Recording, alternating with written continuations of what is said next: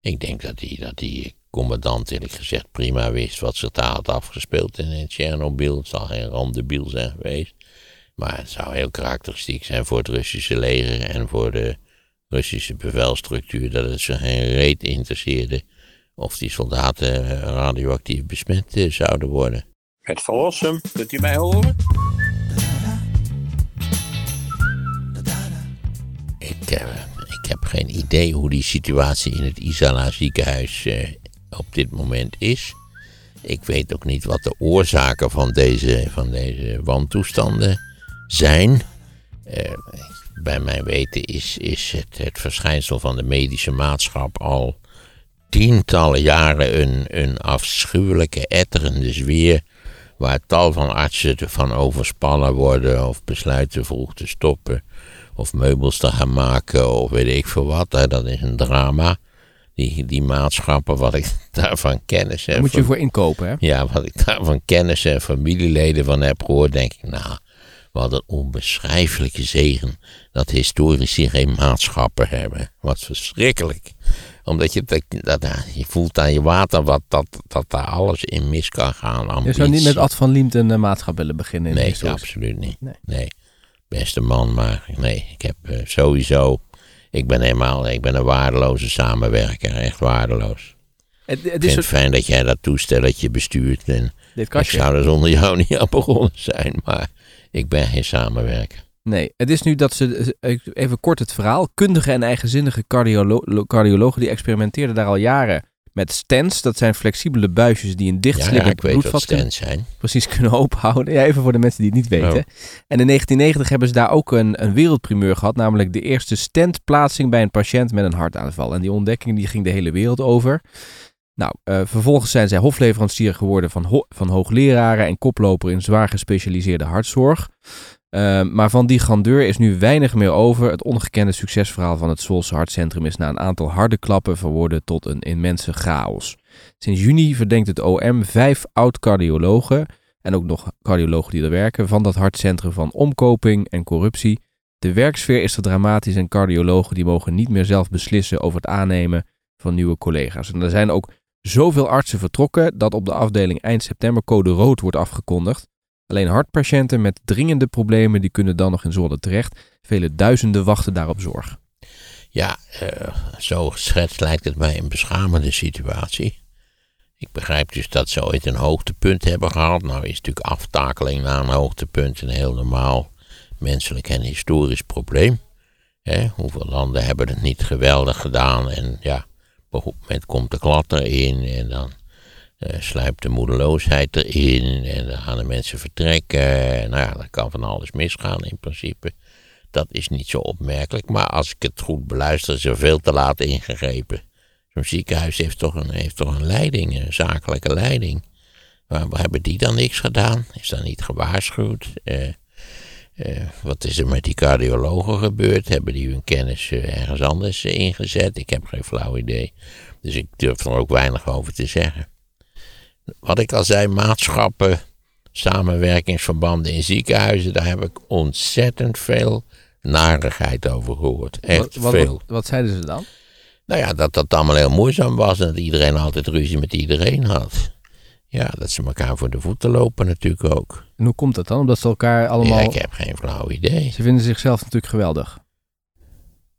Dat, dat is, ik denk dat met name de lui die de baas zijn, daar, is waarschijnlijk ook wel een cultuur van. Eh, je, je kunt overal mensen treffen die zich vervelend gedragen als ze de baas worden.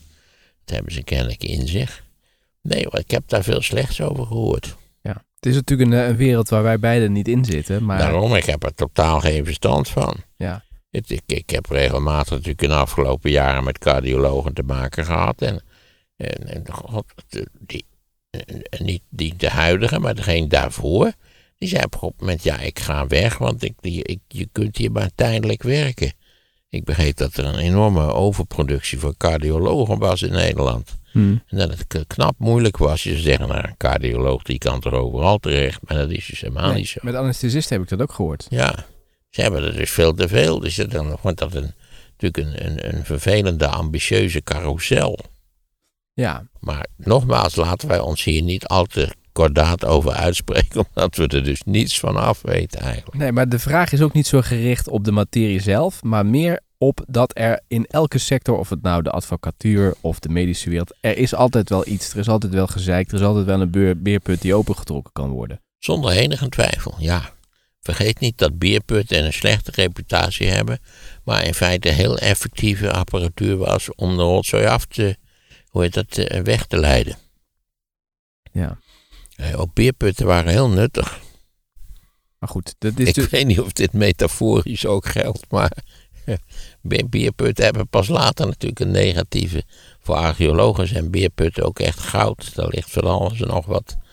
Kun je daaruit halen na enige tijd. Ja. Ehm, ik, ik weet het niet precies. Mijn indruk is dat er in ziekenhuizen sowieso al heel lang veel mis is. En als patiënt krijg je er natuurlijk niks van mee, hè? Nee, dat begrijp je. Dat de k- cardioloog die aan de pols komt voelen zegt niet... Meneer Rossum, ik moet, het, moet me, ik moet toch kwijt. Maar het is hier een hel. U heeft geen idee. Kunt u mij niet samen met u mee naar buiten smokkelen? Dat ik... Nee, dat is... Nee, zo werkt dat nou helemaal niet. Ik ben altijd heel tevreden, moet ik je zeggen. Ja. Nou, dat moet natuurlijk, als het zo meteen blijkt, er zal wel weer een onderzoek gedaan worden. Hè? Want overal wordt op een gegeven moment een onderzoek gedaan. En dan, als het natuurlijk blijkt dat... dat ja, en ik denk dat deze hele, hele afdeling op de schop moet daar in het Isala ziekenhuis. En dat je dan, eh, ik weet niet, dat je met de, met de jongere en betere elementen overnieuw begint. ja. Maar het is natuurlijk, als ik het zo laat beluisteren, is het natuurlijk ook het falen van de directie van het ziekenhuis. Hm. Die heeft dat kennelijk volledig laten ontsporen. Overigens nog even wat jij zei over dat er veel te veel cardiologen zijn. Dat is natuurlijk ook ligt eraan dat wij allemaal als kennis, eh, allemaal kenniswerkers worden we opgeleid. Hè? Je wordt er dan nog opgeleid als timmerman. Nou, dat is een interessante vraag natuurlijk. Dat in dat, eh, laten we zeggen, in het eh, middelbaar beroepsonderwijs en wat daaronder nog zit, daar zou veel meer aandacht aan moeten worden besteed. Ik denk wel overigens dat een geschoolde timmerman dat hij goed kan verdienen. En datzelfde geldt Ja. voor een geschoolde loodgieter en voor een elektricien enzovoort. En dat we juist in die sectoren tekorten hebben. Hm. Als ik een beetje hier de, de verbouwingen die hier in de buurt eh, aan één stuk doorgaan, als de ene klaar is, beginnen met de andere. Dat is voor een heel belangrijk gedeelte zijn dat, is, zijn dat mensen uit Oost-Europa. Hm. is vaak natuurlijk een, een, een, eh, een, een Nederlandse werkleider, maar eh, al, alle voegjes in, bij onze badkamers en wc's die zijn gemaakt door een Litouwer. Ja, maar wat vind je ervan dat je als je op de, op de middelbare school zit, als je dan iets met je handen gaat doen, ben je toch een beetje een sukkel? Ja, daar hebben we het aan gemaakt. Dat is wat onze cultuur wil. Wij vinden het belangrijker dat iedereen weet op elk denkbaar niveau welke rivier uitstroomt in de Kaspische Zee, dan dat we mensen opleiden die de cv kunnen repareren. Wat vind je daarvan? Nou, dat vind ik niet verstandig. Misschien zou je ook, ook die, die, ja, nogmaals, meer, meer, eh, kijk, status verlenen aan beroepen is een, is een lange termijn proces. Je kunt niet zeggen, jongens, nou, wel wezen, timmerlieden, dat zijn de een na belangrijkste mensen in de samenleving. Dus die gaan we nu allemaal een taartje sturen en een vlaggetje en een week vrijgeven. Nee, zo werkt het niet.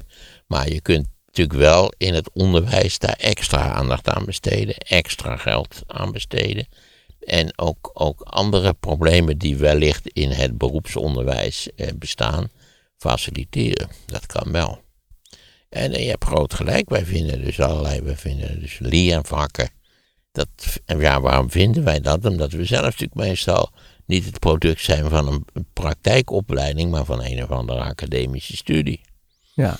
Je Waardoor we denken dat dat enorm belangrijk is, maar ja, want als je de CITO-toets slecht maakt, dan krijg je bijles van ja, je moet wel naar zeker. HAVO, ieder- VWO. iedereen, nou, iedereen wil natuurlijk zo hoog mogelijk geschoold worden.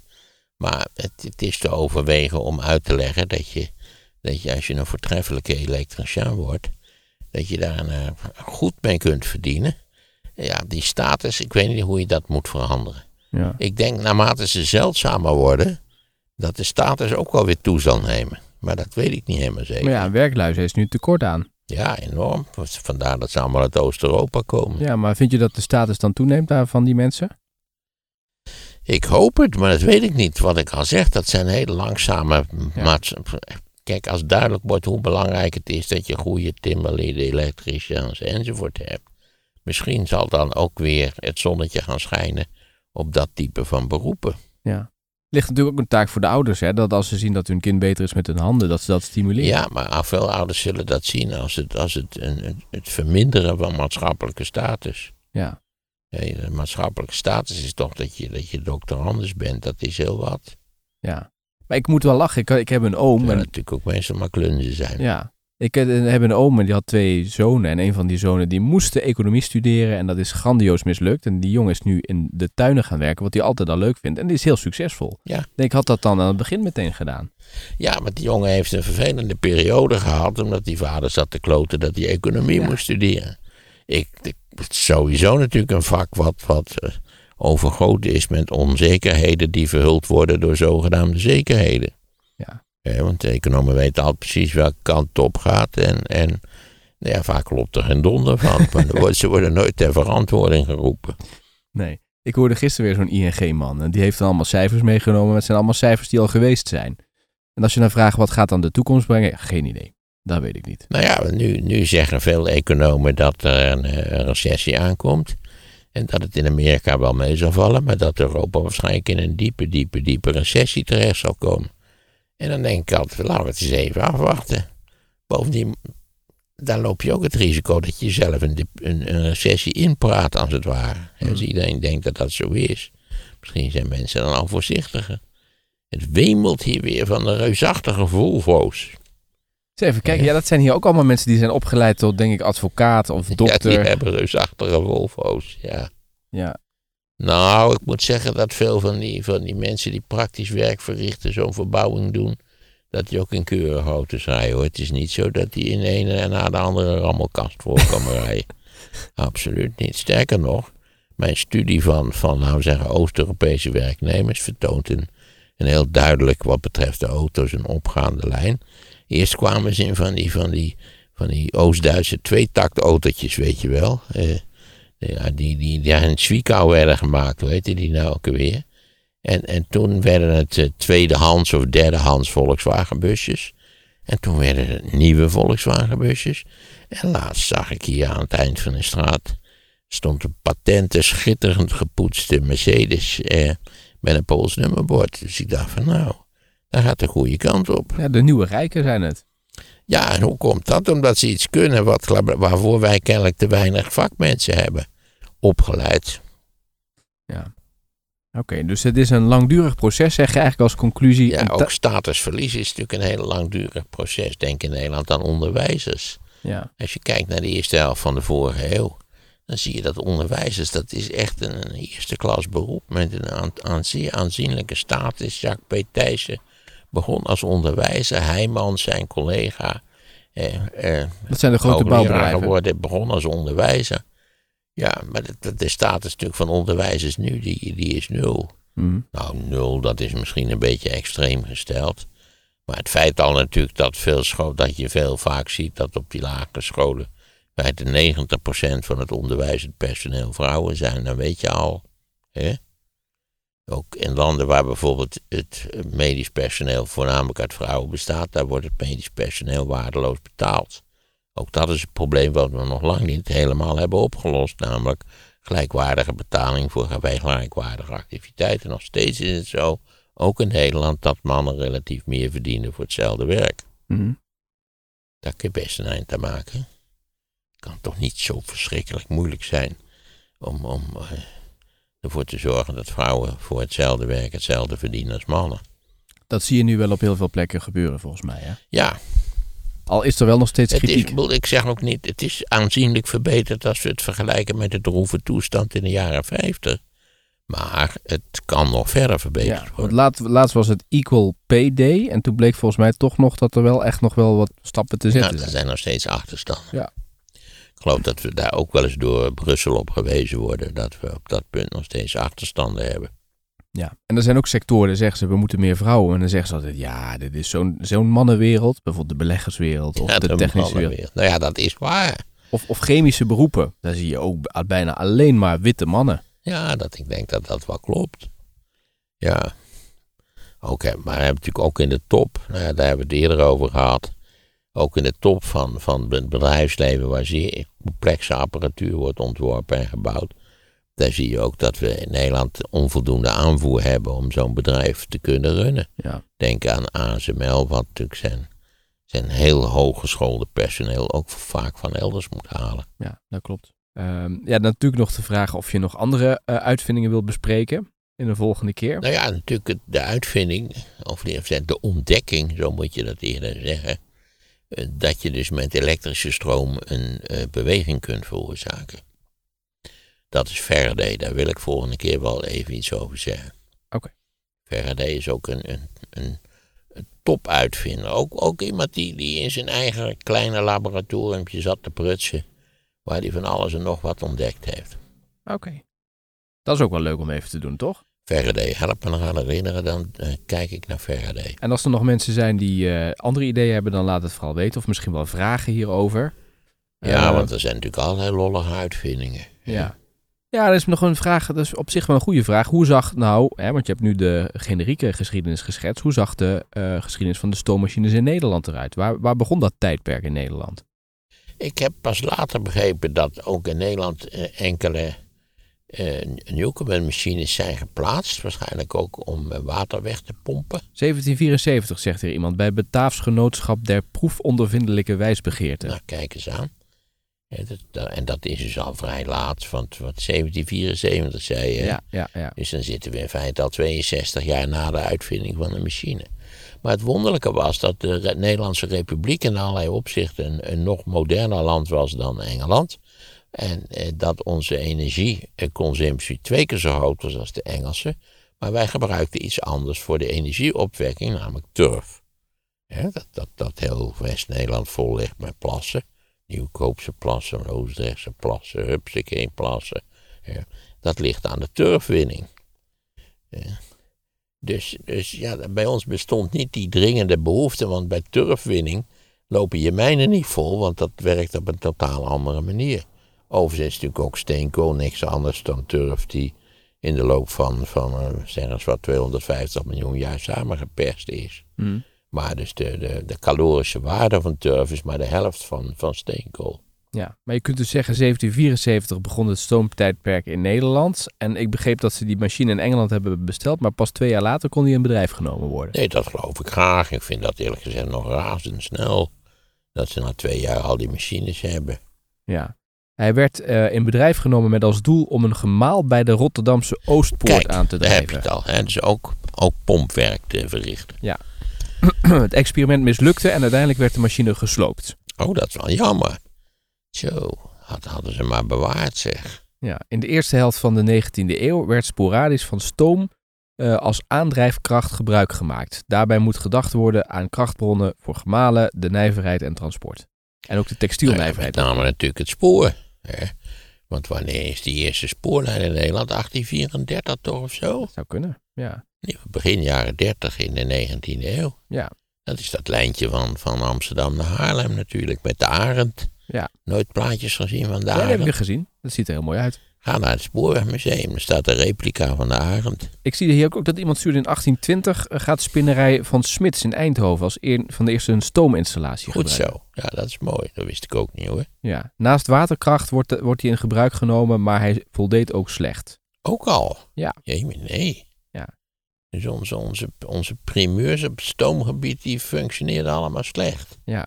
Want dit is toch een tijd dat de replica van, of dat de Arend, dat dat een, een- op zichzelf een, functionerende locomotief was. Ja, en in 1827 nam een eerste textielbedrijf in Tilburg een stoominstallatie in bedrijf voor het spinnen en voor het eh, vollen van wollen weefsels. En dat vollen dat geschiedde eerder met wind- en watermolens. Maar goed, interessant van deze eh, observaties, eh, waarvoor onze dank, is dat je ook hier ziet dat het heel laat eigenlijk. Ja. Dat ding bestond toen al bijna, al ruim een eeuw, al, al bijna 120 jaar. Ja. Hè? Dan even wat andere vragen. Hallo Tom, eh, wil je dit aan Maarten doorgeven? Ik heb voor mijn verjaardag een taart gekregen met Maarten erop. Wil je dit aan Maarten laten zien? Ik ben groot fan van de podcast, zegt Aster. En eh, als ik dan dat plaatje wil... Ah ja, kijk. Ja, kijk eens aan. Ja, ik zie, zie er, ik zit er wel bij alsof ik een, een, een, een, een patiënt ben, eerlijk gezegd. Ja, maar dit is een stukje taart eh, wat ze heeft gekregen. Ja, Dus- ik vond het altijd, wij kregen namelijk eh, in de eerste jaren van het succes van de slimste mens, kregen Philip en ik altijd een hele grote taart. Van de, van de hoe heet het, eh zende... Producent. de- de- nee, de zend, zend, Van, van Frans Klein. ja, de, de- de zenderbaas, om het maar even, van de, de baas van, nee, die baas van, van Nederland 2 heette anders. Oh, Breuker of zo. niet van Westerlo, hè? Nee, nee, nee, nee, nee zeker niet. En op, dat, op die taart stond altijd een, een, zo'n zo'n ja, fotografisch portret eigenlijk in, in, in hoe heet dat spul, eh, marsepein van Philip en mij. En ik, ik vond het altijd moeilijk om, dus ik, ik, ik nam altijd het stukje waar, waar ik op stond, eh, dat nam ik altijd mee naar huis en dan bewaarde ik het de hele tijd tot ik het tenslotte dan toch maar op had. Maar het, het, het had iets, iets, iets raars om je eigen portret op te vreten. Ja. Maarten geeft op eh, Maar ik geef ze toestemming om mij op te eten. bij deze. Maarten geeft op van de gevechtskracht eh, in Wereldoorlog 2 van de Weermacht. Eh, dat komt onder meer tot uitdrukking in de grote relatieve slachtofferverschillen Ja, tussen de geallieerden en de Duitsers. Daarvan lijkt ten einde van Wereldoorlog 1 veel minder sprake. Is dit juist en hoe komt dit? Oeh, dat weet ik niet, want ik ken geen berekeningen van de Eerste Wereldoorlog op dit punt. En die, die, die eh, bewegen, die eh, berekeningen van, van eh, wat de effectiviteit van de Weermacht, die zijn mij pas heel recent onder ogen gekomen. Oké, dit is iets wat we dus moeten In dat opzoeken. boek wat ik volgens mij wel vermeld heb, Slouching Towards Utopia. Brad DeLong heet die Ja. auteur. Maar daar stonden veel cijfers in, hè? Ja, en allemaal cijfers, ja. En er wordt de, de superioriteit van de Weermacht, als ik me goed herinner. de- dus de, de slachtoffers aan de andere kant waren vaak twee tot vijf maal zo groot in aantal als bij de Weermacht. Oké, dit is een vraag van Arin. Hij zegt verder nog, er wordt vaak nogal neerbuigend gedaan over het lerend vermogen van niet-democratische landen. Bijvoorbeeld omdat informatie veel minder kan worden verzameld en uitgewisseld. Dat was bij de Weermacht dus niet het geval. Integendeel, wellicht kan Maarten daar ook over iets schrijven in een van zijn essays in het mooie blad Maarten. Prachtblad. ik zal er nog eens over denken, ja. Nou ja, het opmerkelijke is dat, eh, want zo was ik ook een beetje naar dat idee toegegroeid. Dat ik natuurlijk een aantal van die opnames had gezien van de, van de aanval van het Russische leger in de Oekraïne. Waarbij je denkt, als je ooit iets over deze materie hebt gelezen. Wat zijn dit voor prutsers? Hè? Uit, uit, welk soort van idiote overwegingen eh, zijn ze hier bezig met op te rukken zonder panzerinfanterie, zonder luchtsteun? Het zijn sitting ducks. En nou ja, dat bleek ook wel. Er zijn honderden Russische tanks met, relatief simpele middelen vernietigd. Jeroen Bergmans, die zegt, beste Maarten, Iran en Saoedi-Arabië zijn beide actief op het WK in Qatar. Iran is, in veel, is veel in het nieuws vanwege de protesten die hard onderdrukt worden. Ik vroeg mij af welk land nu meer totalitair bestuurd wordt. In welk land de bevolking meer onderdrukt wordt. Is dat Iran of Qatar? God, dat weet ik niet. In Iran en is in ieder geval sprake natuurlijk van systematische, langdurige onderdrukking. En Een heel kwalijk regime. Ook ja, wat ik heb al eerder gezegd. Stel je voor dat je de- decennia lang door pastoors gerund wordt.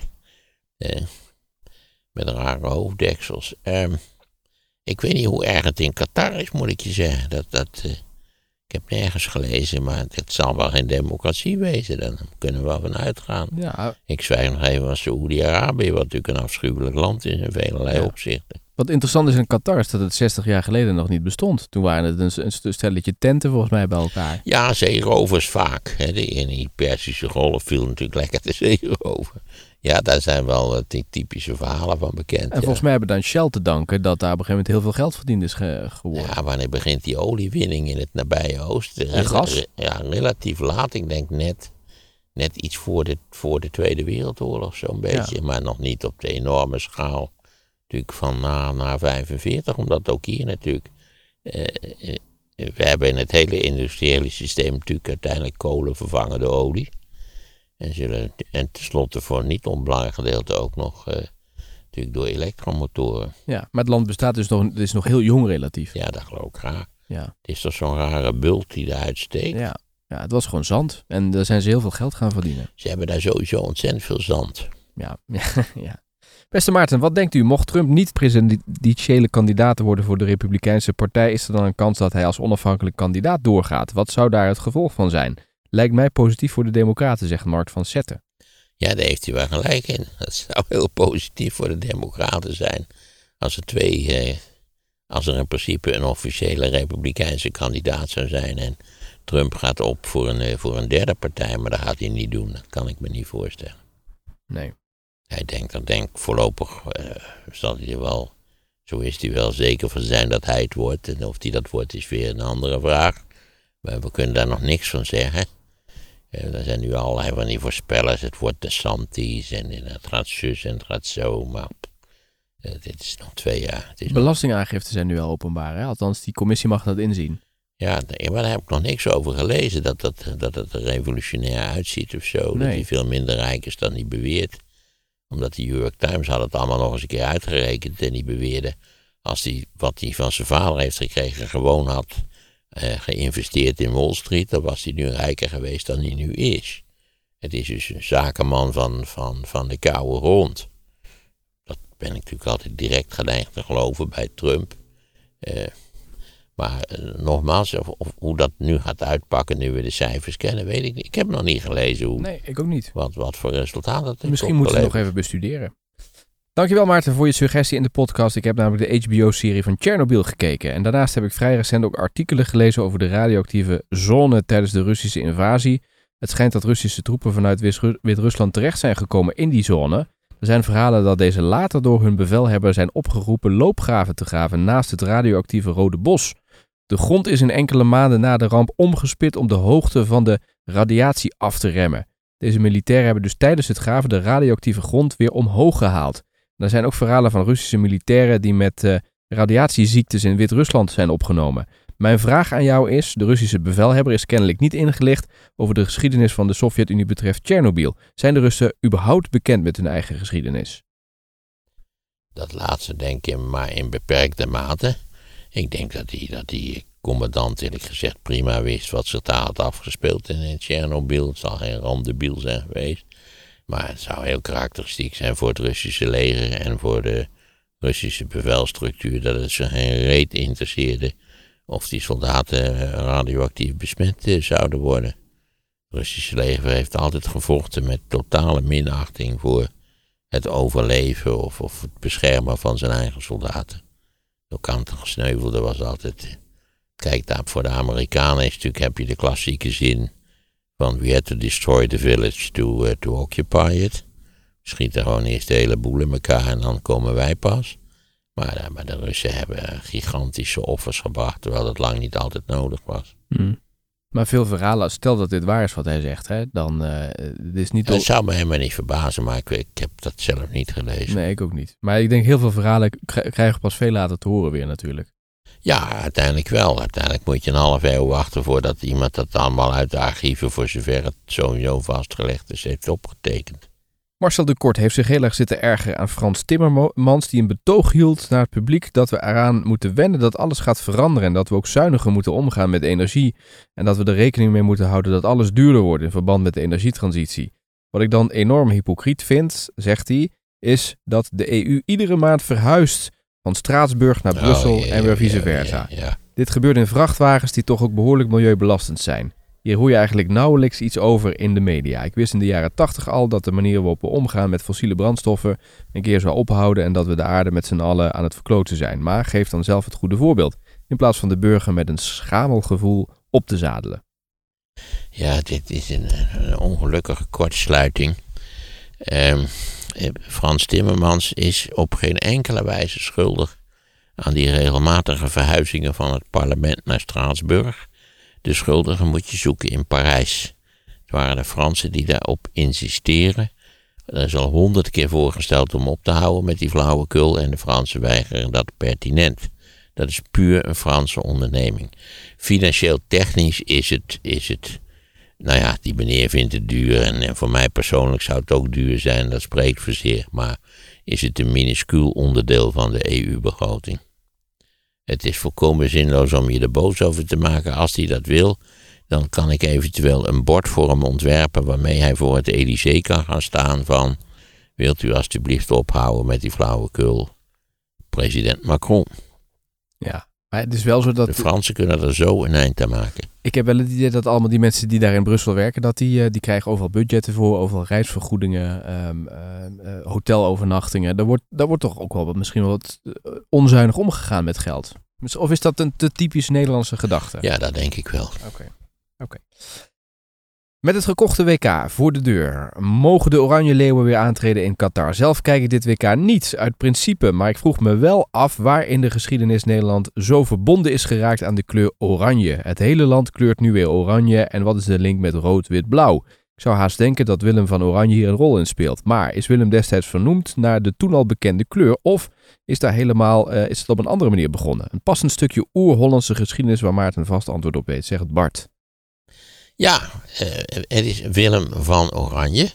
Omdat Willem van Oranje door eh, vererving in het bezit was geraakt van een, een, een gebied in de Provence wat Orange heette. Van Oranje dus. En dat, dat had hij geërfd, waardoor hij de prins van, zelfs een prinsdom als ik het wel heb. Hij was de prins van Oranje geworden. Terwijl hij de zoon was, weliswaar de oudste zoon geloof ik, van een op zichzelf bepaald niet spectaculair rijke Duitse vorst. De Nassau, de graaf van Nassau. Maar hij werd prins van Oranje, nogmaals door vererving, omdat die, die baas, die de oorspronkelijke prins was, een, een neef van hem, die kennelijk geen nakomelingen had. En die neef is relatief jong om het leven gekomen. Dus relatief jong is, is Willem van Oranje, die dus eigenlijk aan Nassau was, prins van Oranje geworden. En zo komen we aan die afschuwelijke kleur. Want wil ik graag nog eens aanpunten wat een afschuwelijke kleur dat oranje toch is. Dat bestond toen dus al, want dat vraagt hij ook. Ja, prins, het prinsdom van oranje. Ja, maar de kleur oranje bestond Ja, ik toen ook weet al. niet, misschien was het vanwege de sinaasappels. Ik heb echt geen flauw idee wat, de- wat de, de oorzaak van de naamgeving was. Maar hij werd prins van Oranje. Oké. Nogmaals door een erfeniskwestie. Ja, en, en eh, rood, wit, blauw. Dat staat hier ook in het berichtje. Waar komt dat dan vandaan? Ik weet niet waar die vlag van ons vandaan komt. Oké. Oranje, blanje, bleu. Erik van Straten die zit in een cafeetje in Haarlem en die ging even naar het toilet en daar kwam hij dit plaatje tegen. Ja, zeker. Dat is familie van mij, ja. Ik geloof ook de, de, de laatste directie, die was in de verte ook nog geparenteerd aan mijn opa. Want we zien rookt eh, Ja. van Rossums Troost. Ja, zo is het. Eh, Dat is op zichzelf een, een, was dat een lange traditie, want de familie van Rossum is oorspronkelijk in goede doen geraakt, doordat zij in Rotterdam een winkel hadden in koloniale waren. eh, waren. En dat was al ergens halverwege de 18e eeuw. Oké. Maar dit is dus wat we zien. Dit is nog. En ze raken dan in zo goede doen dat mijn opa bijvoorbeeld, die ging dus niet eh, in zaken, om het maar even zo te zeggen, maar die werd dominee. Dat was toen hartstikke deftig dat Ja. je dominee werd. maar is dit een, een rookmerk of is dit een sigarettenmerk? Nee, het was gewoon hè, van Rossum Stroost, was een merk. Maar wat. Ik weet ze hebben het verpatst aan een of andere grotere fabrikant van dit soort van spullen. Maar wa- wat, wat verkochten zij dan? Eh, tabak. En, Oh, tabak en, wel, eh, ja. Volgens mij tabak, ja. Ja. En je hebt een hele reeks van dit soort van, eh van reclame eh, toestanden. Ehm, oh ja, hier, dit ging nog over het slavernijverleden. Eh iemand zegt, ik blijf steeds in verwarring over Maartens paradox. Namelijk, hij vindt bijna iedereen dom. Hij is voor educatie en mensen inlichten, maar hij is tegen het budget van de excuses te gebruiken voor bewustwording. Mijn vraag aan Maarten is, wat is volgens Maarten het verschil tussen educatie en bewustwording? En zou Maarten het leuk vinden als ze het woordje bewustwording niet meer gebruiken, maar daar educatie van maken? Prima, daar, eh, toch om daar al dat geld aan te besteden. Ja, in dit geval eh, weten we eigenlijk allemaal wel dat het fout was. Dat, hoeft helemaal, ja, moet je daarvan bewust wo- worden gemaakt. Dat is een raar toestand. Er wordt ook altijd net gezegd alsof het vroeger allemaal doodgezwegen werd. In mijn studie was daar wel degelijk aandacht voor. Je wist ook dat dat zo was.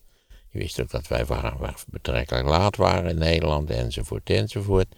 Als er geld voor is, ik weet, er was toch sprake van 200 miljoen wat die erin gepompt zou ja, worden. heel veel, ja. Doe dan dus iets aan bestaande wanverhoudingen in de werksfeer.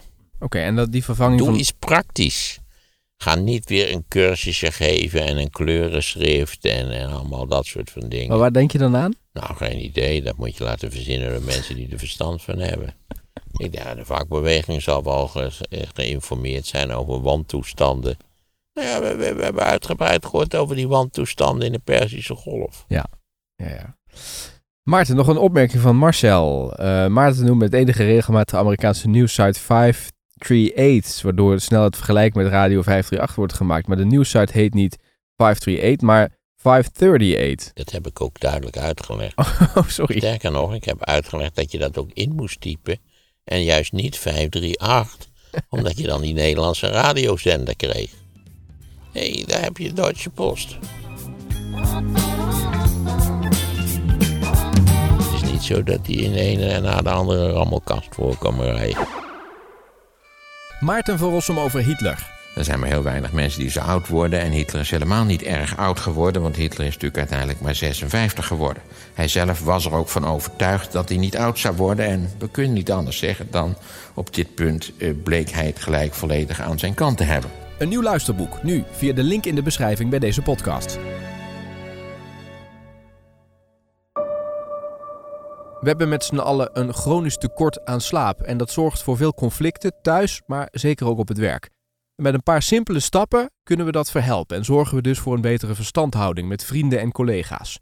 Julian van Somnox is daar elke dag mee bezig en heeft een paar concrete tips die je vandaag gelijk al kunt toepassen.